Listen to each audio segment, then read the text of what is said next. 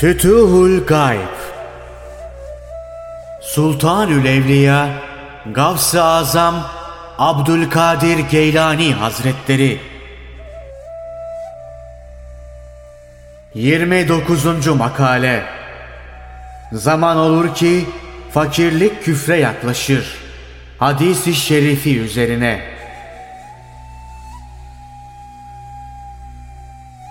Allah'a mutlaka kul olmak isteyen ona iyi inanır ve her işini ona teslim eder. O kul bilir ki rızık babında Allah kefildir. Yine o kul kanaat getirmiştir ki kendine ulaşan bir iyi iş ilahi fermandan habersiz değildir. Herhangi bir fena halde kaderi ilahinin iktizasıdır. Bilhassa şu ilahi vade kopmaz bağlılığı vardır. Bir kimse Allah'ın emirlerine bağlı olur ve ondan korkarsa ona güç yollar kolay olur. Bilmediği yerden rızık kapıları açılır. Kendisine tam tevekkül edene Allah yeter. İman sahibi daima bu ayeti okur ve manasına göre ruhi inşirah duyar. Bolluk devrinde bunu böyle bilir. Zaman olur, hikmet icabı bir imtihan belirince derhal sızlanmaya başlar. Ağlar, feryat ederse bu hal onun tam bir iman sahibi olmadığını gösterir.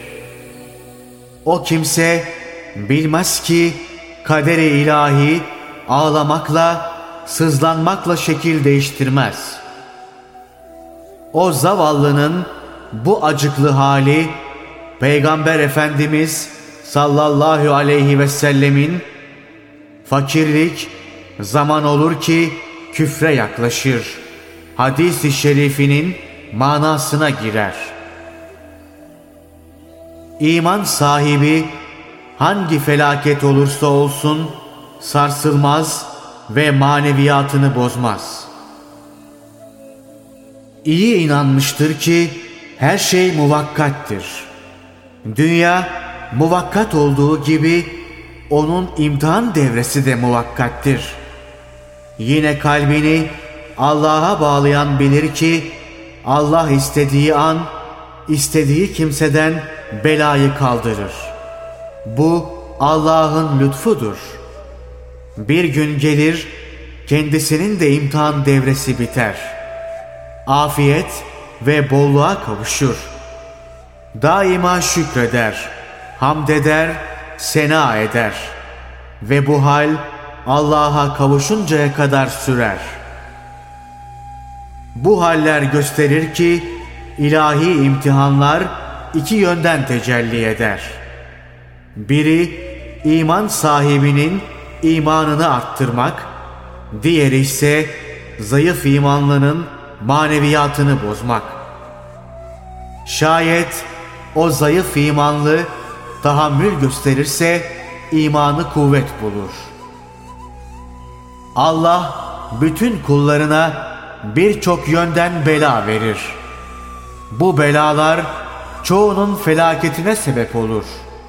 Kul o devrelerde Allah'a tam bağlanmaz, durmadan itiraz eder, Allahü Teala'yı haşa töhmet altına sokmak ister, söver, sayarsa bu onun ebedi küfrüne sebep olur ve böylece dünyası ve ahireti berbatlaşır.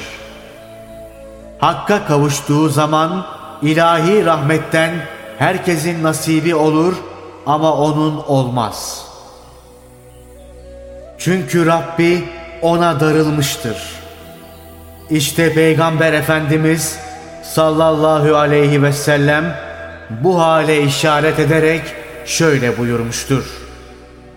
Kıyamet gününde en nasipsiz olan dünyada fakir, ahirette cehennem azabına düçar olandır. Bu halden Allah'a sığınırız. Çünkü bu hal bir felakettir. Peygamber Efendimiz sallallahu aleyhi ve sellem bu fakirlikten Allah'a sığınmıştır. İkinci şahsa gelince, o hakkıyla inanmıştır. Allah'ın birliğine ve onun yapacağı her türlü eza ve cefaya razıdır.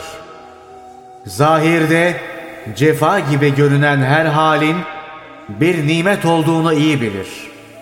Onda tam bir kanaat vardır ki sevgili kullara kavuşmak için onlar gibi yaşamak lazım. Peygamberlere varis olmak için onların çektiği gibi cefakar olmak gerek. Düşünür. Hangi alim, hangi fazıl, hangi hakim, hangi büyük ve nihayet hangi derviş ve hangi bende cefadan, hangi efendi zordan hali kaldı. Ama ne olursa olsun Allah'a dayanan herkes kurtulur. Ona inanmış olan her imanlı dar zamanında daha geniş olur. İlahi kement onların boynundadır. Sabır dağları onları içine almıştır. Çünkü imanları kuvvetlidir. Çünkü kadere razıdırlar. Bu sabır ve imandır ki onu her an şükür yoluna sevk eder.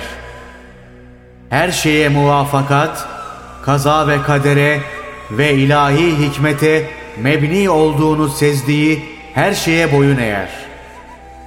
Bu yüzden ilahi rahmetin en büyüğüne erer. Gündüzleri onun için bir nur kaynağı, geceleri ise bir rahmet sofrası olur. Dışı hoş, içi boştur. Bu halde devam eder. Ta ki Allah'a kavuşuncaya kadar. Hadi Allah'tır.